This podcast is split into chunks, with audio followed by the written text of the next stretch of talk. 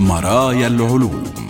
برنامج يقدم العلم للجميع وصور المعرفة بنكهة خاصة. مرايا العلوم يسعى إلى اكتشاف عالم أفضل عبر جسر العلوم والتكنولوجيا. مرايا العلوم العلم كموضوعة رائجة نحو حياة أكثر فعالية واتساق أكبر مع الطبيعة.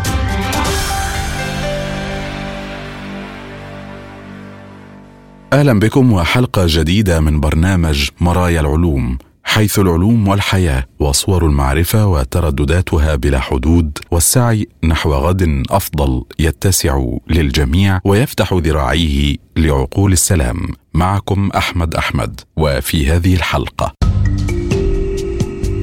البكتيريا متعددة الخلايا وزيادة حمضية المتجمد الشمالي وصلاحية إبداع العلماء.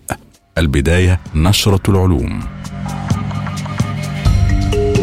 كشفت نتائج دراسة جديدة أنه قد تكون النيازك التي قصفت المريخ والذي يعرف بالطبع بالكوكب الأحمر خلال الأيام الأولى للنظام الشمسي الداخلي قد حملت الكثير من الماء لدرجة أنه كان من الممكن أن تغطي الكوكب تماما في طبقة بعمق أكثر من 300 متر. إذا انتشرت بينما ترسبت أيضا عن طريقها جزيئات ضرورية للحياة ما يدل على احتمالية ليست بالقليلة على أنه كان مغطى بالمياه. حلل باحثون تركيز أحد نظائر الكروم النادرة والمعروف باسم الكروم 54 بالنقص وذلك في عينات من النيازك التي وصلت إلى الأرض من المريخ لتقدير كمية المياه التي ترسبت على الكوكب الأحمر. وتحتوي الطبقة العلوية من المريخ التاريخ على الآثار والتركيبات الكيميائية للنيازك الكربونية أو ما يصنف بالنوع سي التي قصفتها حين تجمدت قشرتها منذ حوالي خمسة مليارات سنة. ونظرا لأن المريخ ليس مكونا من صفائح تكتونية كبيرة تتحرك حوله الأمر الذي يتسبب عادة في تموج المواد الموجودة في باطن الكوكب وفي سطحه. لذا يجب الحفاظ على هذا التوقيع الكيميائي من النيازك في صخور قشرة الكوكب.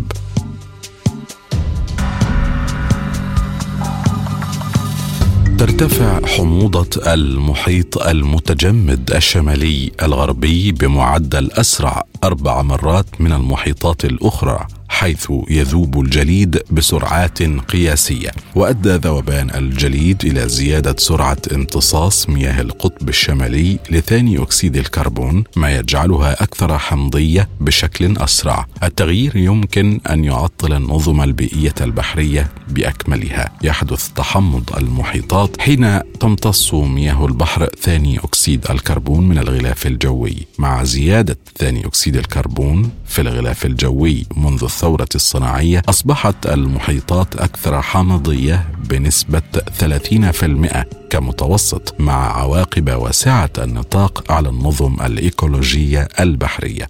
في معظم أحواض المحيطات يتبع معدل تحمض المحيطات عن كثب زيادة مستويات ثاني أكسيد الكربون في الغلاف الجوي كما يقول العلماء. أما المحيط المتجمد الشمالي بارد ومغطى بالجليد في الشتاء. لذا فهو مختلف. ولفهم مدى الاختلاف نظر الباحثون في البيانات التي تم جمعها في 47 رحلة استكشافية مختلفة إلى القطب الشمالي بين عامي 1994 و 2020 أخذوا في الاعتبار كل من مستويات الأس الهيدروجيني وكذلك تشبع معدن الأراغونايت ما يؤثر على ما إذا كانت الكائنات الحية مثل المرجان والمحار. ستتأثر فعليا أم لا؟ تتوافق المستويات المنخفضة من كلا المقياسين مع المزيد من درجات التحمض.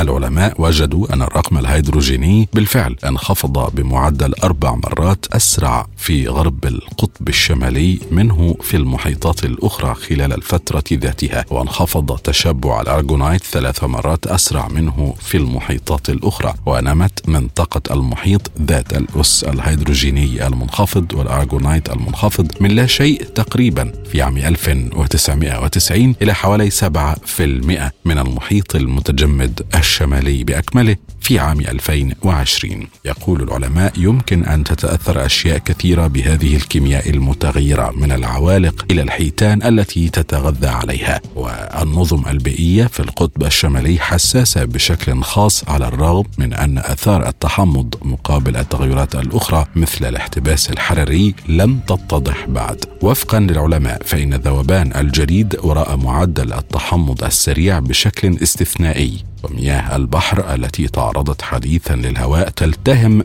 ثاني أكسيد الكربون ويخفف الماء المذاب أيضا.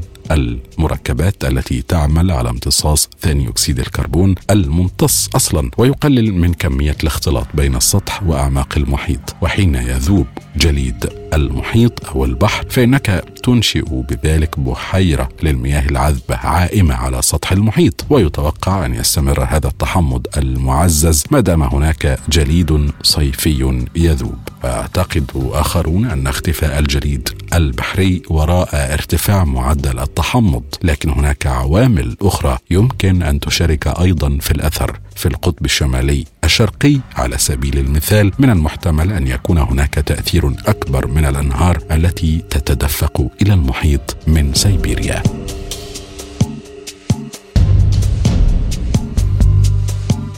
اكتشف العلماء في اليابان نوعا من البكتيريا في كهف يظهر سلوكا متعدد الخلايا ودورة حياة فريدة. من مرحلتين. تم عزل البكتيريا المسماة HS3 من جدار كهف من الحجر الجيري يغمره نهر تحت الأرض بشكل دوري. و HS3 له مرحلتان مختلفتان من الحياة على سطح صلب يتم تنظيمه ذاتيا في مستعمرة مبنية على طبقات ذات صفات تشبه الكريستال السائل. تنضج مستعمرة HS 3 في كرة شبه مغلقة تحتوي على مجموعات من خلايا كوكو باسيلس الابنة أو خلايا قصيرة على شكل قضيب والتي يتم إطلاقها عند ملامستها الماء. ويقول علماء إن ظهور تعددية الخلايا هو أحد أعظم ألغاز الحياة على الأرض. والنقطة المهمة هي أننا نعرف بالفعل الوظيفة الفائقة والقدرة على التكيف لتعدد الخلايا لكننا لا نعرف شيئا تقريبا عن أصولها. الوظيفة الراسخة والقدرة على التكيف ليست بالضرورة. القوة الدافعة التكوينية الخاصة بهم. والتعددية الخلوية تكشف وتعلمنا عن الصراع بين فوائد الأفراد مقابل منفعة المجموعة التي يجب أن تكون موجودة في المرحلة المبكرة من التحول التطوري. وليس لدينا نموذج حالي جيد لدراسة تعددية الخلايا. باستثناء نماذج النظرية. ومن هذه النماذج ما يؤكد أن البيئة تمارس ضغط الاختيار على مجموعة سكانية تتطور بحجة أن الانتقاء الطبيعي الدارويني لا يزال قابلا للتطبيق على الكائنات وحيدة الخلية.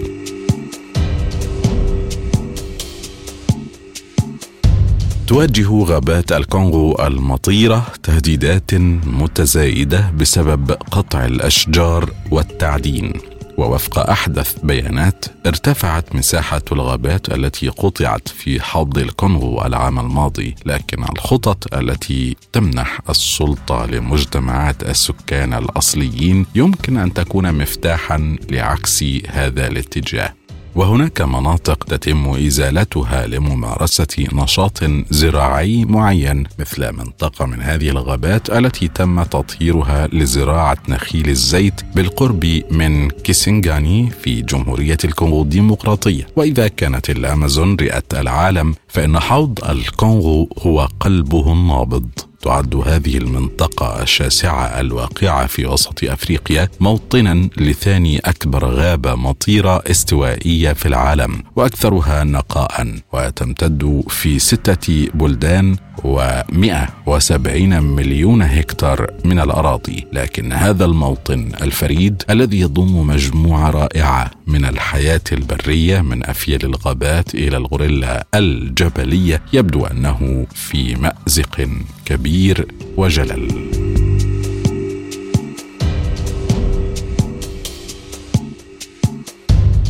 قد يعاني الأشخاص الذين يستخدمون القنب من مزيد من الألم بعد الجراحة.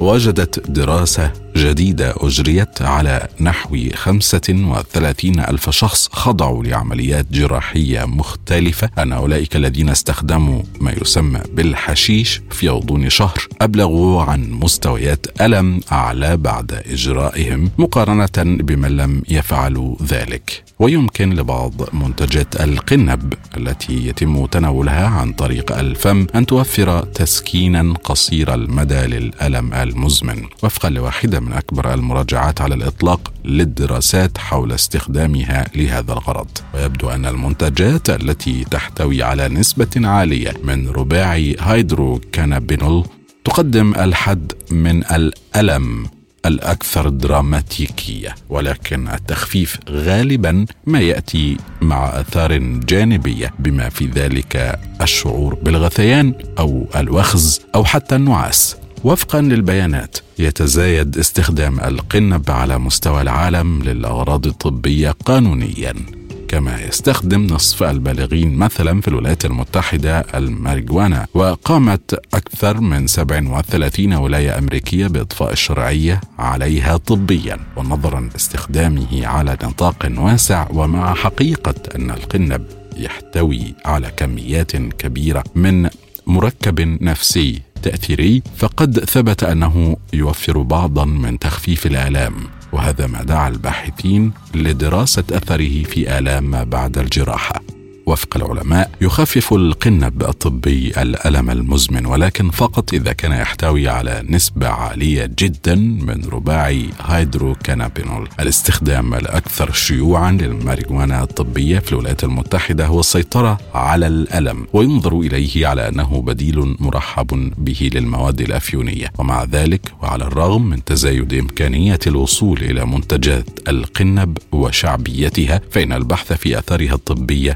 محدود والأشخاص الذين عانوا من أكبر الفوائد هم أولئك الذين يعانون من آلام الأعصاب. وهو نوع من آلام الأعصاب التي تسبب عادة الإحساس بالوخز والحرقان. كما لاحظ الباحثون أنه رغم أن النتائج موحيه إلا أنها استندت إلى الأدلة المحدودة التي يمكنهم جمعها وإن هناك حاجة لمزيد من الدراسات قبل التوصية بالقنب الطبي كبديل محتمل للأدوية الأخرى في سبيل تخفيف الآلام ولأن معظم التجارب التي راجعها الفريق استغرقت ما بين شهر وستة أشهر فغير واضح ما إذا كانت منتجات القنب يمكن أن توفر راحة فعلية ذات مغزى على المدى الطويل.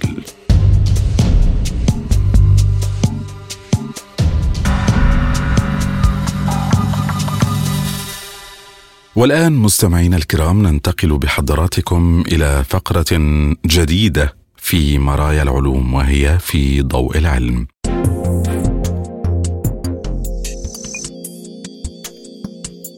تشير دراسة جديدة إلى أن العلماء لا يظلون على الدرجة ذاتها من الابتكار والتأثير مع تقدمهم في العمر على عكس الأوقات المبكرة من حياتهم المهنية. أيضا الدراسة وجدت أن الباحثين الأقل ابداعا يميلون عادة إلى ترك الدراسة. تقدم هذه الدراسة الدليل الأكثر حسما حتى الآن على أن العلماء هم الأكثر ابداعا وابتكارا في وقت مبكر فقط من حياتهم العملية. وفقا للنتائج انخفض تأثير الأعمال المنشورة لعلماء الطب الحيوي تحديدا بمقدار النصف على مدى مسار حياتهم المهنية. وصف القائمون على الدراسة ذلك بأنه انخفاض كبير في التأثير. ومع هذا أشاروا إلى أن أسباب هذا النمط من تراجع الابتكار تجعل النتائج المتاحة أكثر دقة وتسلط الضوء على الحاجة إلى مواصلة دعم العلماء في المراحل الأخيرة من حياتهم المهنية. منذ ما يقرب من 150 سنة كان الباحثون يدرسون العلاقة بين العمر أو الخبرة والإبداع ولكن لم يتم التوصل إلى نتيجة واضحة. وحتى الآن ما زلنا لا نملك إجابة قاطعة. تتمثل إحدى ميزات هذه الدراسة في أن المؤلفين تمكنوا من الوصول إلى مجموعة بيانات ضخمة تزيد على خمسة ملايين منشور علمي طبي حيوي نشر بين عامي 1980 و 2009 هذه البيانات تتضمن معلومات مفصلة عن المؤلفين. قيمت هذه الدراسة الجديدة مدى ابتكار المقالات من قبل علماء الطب الحيوي باستخدام طريقة قياسية تتعلق بعدد المرات التي يذكر فيها العلماء الآخرون أو يستشهدون بدراسة غيرهم في عملهم. فكلما تم الاستشهاد بالدراسة أكثر كان يعتقد أنها أكثر أهمية. من خلال معلومات مفصلة عن مؤلفي كل ورقة بحثية تمكن الباحثون في هذه الدراسة من مقارنه عدد المرات التي تم فيها الاستشهاد بعمل العلماء في وقت مبكر من حياتهم المهنية مقارنة بأحدث أعمالهم في هذه الحياة. أثناء تحليل البيانات توصل الباحثون إلى أن العلماء الذين كانوا أقل ابداعا في بداية حياتهم العملية يميلون دوما إلى ترك المجال والتوقف عن نشر أبحاث جديدة. وكان العلماء الشباب الأكثر إنتاجية والأكثر أهمية والذين استمروا في إنتاج البحوث بعد عشرين أو حتى ثلاثين عاما. أي في بداية حياتهم المهنية أظهر العلماء نطاقا واسعا من الابتكار. ولكن مع مرور الوقت نرى تناقصا انتقائيا للأشخاص الأقل ابتكارا. وتتراجع القدرة على الابتكار مع التقدم في العمر ويظهر ذلك جليا ضمن مجموعة علماء الطب الحيوي بينما تميل الدراسات إلى العثور على هوامش صغيرة نسبيا لدرجة التراجع في الابتكار على امتداد العمر فيما يتعلق تحديدا بالحاصلين على جائزة نوبل وغيرهم من مجموعات الباحثين. الأشهر. كما لاحظ الباحثون أن الاستنزاف في المجتمع العلمي قد لا يتعلق فقط بمسألة تراجع الابتكار مع التقدم في العمر ولكن ربما هناك العلماء من النساء أو الفئات المهمشة أو الفقراء أو ممن لا يجدون الدعم الكافي علميا أو من الأقليات. كلهم ربما لم تتح أمامهم. الفرص التي يحتاجونها للنجاح على الرغم من أن هذه الدراسة لا يمكنها تحديد هذا التأثير كميا. لذا قال دارسون إن هؤلاء العلماء الذين نجحوا ربما فعلوا ذلك من خلال مزيج من الموهبة والحظ والخلفية الشخصية والتدريب المسبق. كذلك تشير نتائج إلى أن المنظمات التي تمول العلماء يجب أن تحافظ على توازن دقيق بين دعم الشباب والخبرة. وتكشف الدراسة أيضا عن ميل العلماء الشباب إلى أن يكونوا في ذروة إبداعهم. ولكن هناك أيضا مزيج كبير آخر مع كون البعض أكثر ابداعا مقارنة بالبعض الآخر. للمزيد من الإضاءة على مثل هذه الدراسات التي تتعامل مع مسألة تراجع الإبداع والابتكار لدى العلماء مع التقدم في السن تحدثنا من عمان. دكتورة عصمت حصور رئيسة مركز الجندر للاستشارات النفسية والاجتماعية. أيضا تتحدث عن الإشارة إلى الإبداع ومراحل العمر ومدى حدوث ذلك بين العلماء وغيرهم من المبدعين والفنانين أو حتى من الأشخاص العاديين. أيضا تتحدث عن استدامة الابتكار والإبداع. هلأ في ناس بتقدموا بالعمر بيكون عمر زمني فقط. لكن شو ما كانت نوع الخبرة والعلم اللي أخذوه إلا ما تثقله وفي ناس العمر يعني الزمني ما له علاقة بعمر العقلي والخبرة. يعني بيكونوا سابقين أعمارهم زمنيا. لأنه الحياة أو اللي بسميه أنا ثالوث الحكمة. الحكمة مرات بتتولد هيك by default بتيجي. ومرات الحكمة بتيجي من خلال العمر والزمن والخبرة والذكاء. الخبرة الإنسانية بحلو حلوها ومرها المعرفة من ضمنها العلم والذكاء. هدول هدول ثالوث الحكمة. هلأ العمر إذا كان مجرد وقت وأيام بتمشي بدون ما الإنسان يثقلها بمعرفة قراءة ثقافة وانه يتعلم يدرس من الخبرات الإنسانية بيكون العمر هون ما له علاقة بالإبداع والإنجاز. بس بيكون أثر عليه إنه صار يعني أكثر خبرة من من هم أصغر عمرا.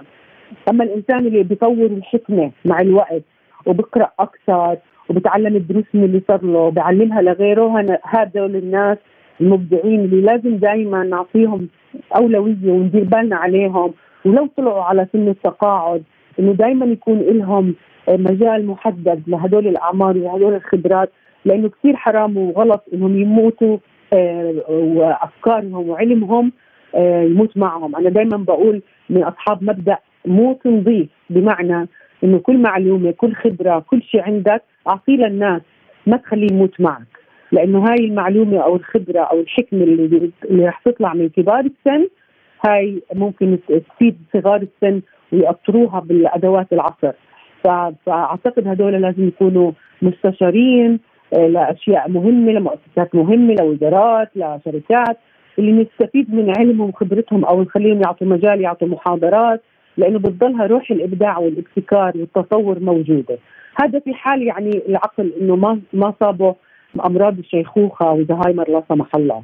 لكن الناس اللي زي هيك لازم دائما نتمسك فيهم ونعطيهم مجال يطلعوا إبداعهم. بس كثير اللي بصير عندنا بمجتمعنا غلط إنه بعمر صغير أو بعمر الإبداع ما زال مستمرا يحالوا على التقاعد.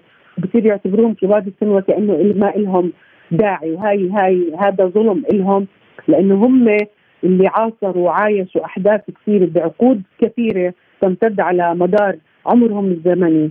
وهون اللي بيكونوا المرجع لنا يعني بصيروا أحد المراجع لنا كيف المؤرخين مراجع للتاريخ وللكتب؟ هدول بصيروا مراجع لنا لحكم الحياة اللي بيعطونا إياها بأريحية.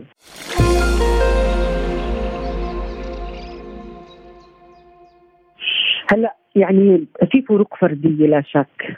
في فروق جينية في فروق آه، بيئية الخلفية. قديش الإنسان اشتغل على حاله قديش عنده قدرات قديش آه، روحه شباب. يعني العمر الزمني ما له علاقة بعمر الروح والنفس والعقل. العمر الزمني هو بس بجواز السفر. بس مرات الإنسان بيكون عمره آه 80 وروح شباب بسن ال 40 آه ف ومرات الروح تشيخ قبل أن يشيخ الإنسان زمنيا. فهاي الظروف اللي نشأ فيها إذا كانت مرهقة طاحنة أحيانا هاي الظروف المؤلمة آه، تولد ابتكار وإبداع ونجاح لأنه دائما النجاح يولد من رحم المعاناة. وأحيانا اللي بتكون يعني قدراتهم بيئيا وراثيا وجينيا محدودة وما استفادوا هدول بيكونوا يعني عادي. فهلأ إحنا كدولة ك... كناس بنظروا من بعيد لفئة العلماء والمفكرين مفروض يكونوا بيقدروا يميزوهم ويعملوا لهم يعني إشي خاص فيهم عشان نقدر نميز هؤلاء الأفراد اللي اللي اللي ممكن إحنا يعطون يكونوا أحد المراجع القيمه لنا، أنا بحكي على كبار السن بالعموم، لكن إذا بدنا نيجي نركز على فئة العلماء والمفكرين هدول أهم ناس عند ربنا لأنه اللي بيقدروا يوصلوا رسالتهم ويفيدوا المجتمع ويحموه بشكل كثير أكبر، فأعتقد هدول الناس لازم يكون لهم تعامل خاص وتقدير خاص وبنفس الوقت ما بنقدر نعمم. إحنا بنحكي بشكل هيك ابستراكت مجرد لكن في ناس أكيد بنقدر نميز فروقهم الفردية من خلال نصوصهم، كتاباتهم، طريقة كلامهم، طريقة تحليلاتهم، فما بيصير إنه إذا خلص يعني تعدوا عمر معين بالتعريف التقليدي للمجتمع إنهم كبار سن إنه كأنه عفى عليهم الزمن، لا لازم ندرك. حتى مرات على فكرة لو ما كانوا من العلماء، مرات بيكون كبير سن من كثر ما طحنت الحياة خبراته المتراكمة المرة والحلوة مرات بيكون reference بالسلوك الإنساني مرات في علماء reference بالسلوك بالقيمة العلمية الإضافة العلمية مرات في ناس reference بالعلاقات الإنسانية. يعني يعني كل حدا له مجاله اللي ما نقدرش نعمم لكن لازم لما نلاقي هدول الناس لازم نعطيهم تقدير وتعامل خاص ومهم عشان تضلها روح الإبداع مرافقتهم إلى أن ينتهي العمر المكتوب. أما إنه إحنا نجمد قدراتهم لأنه يعني العقل يضمر مثل العضلات يعني كل ما لا يستخدم يضمر حتى العقل إذا ما تجدد وتطور وأعطي مجال للتطور يضمر مع العمر.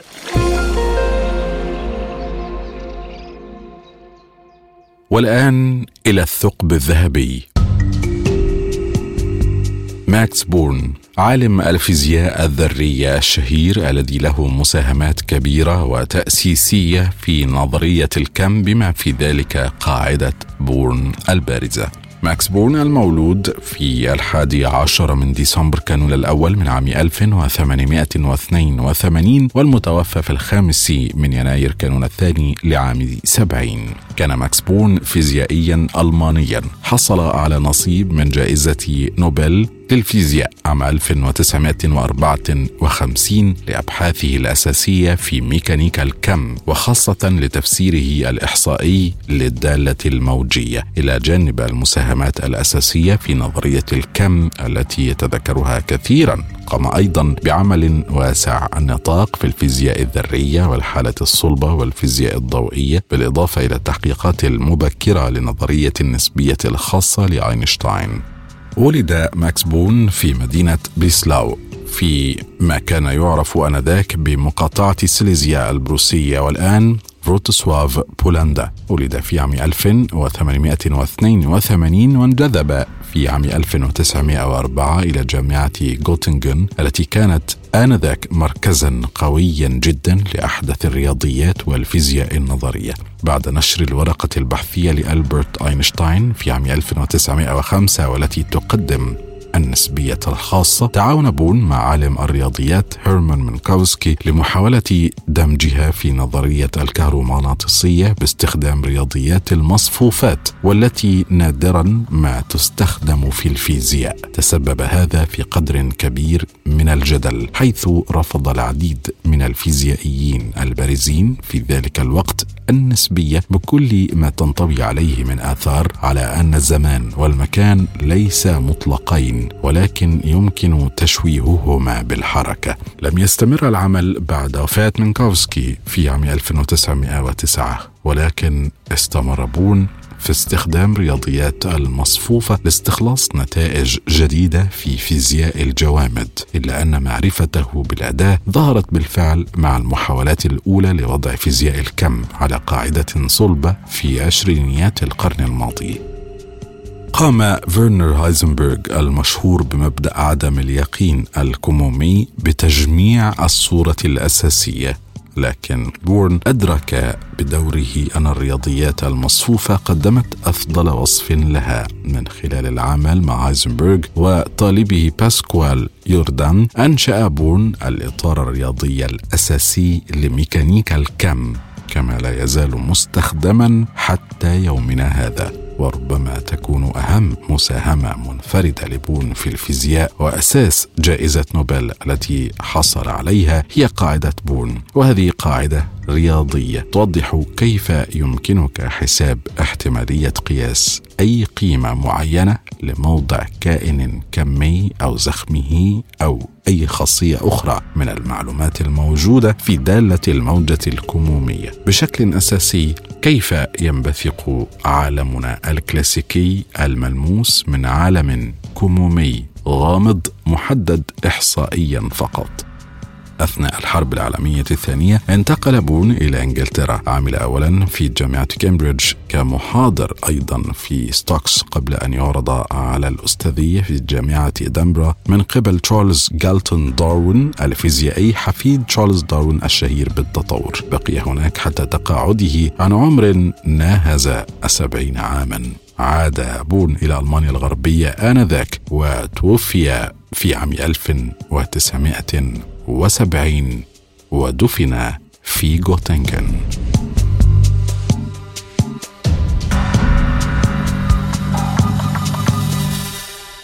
إلى هنا مستمعينا الكرام نكون قد وصلنا وإياكم إلى ختام هذه الحلقة من برنامج مرايا العلوم. شكرا وإلى اللقاء.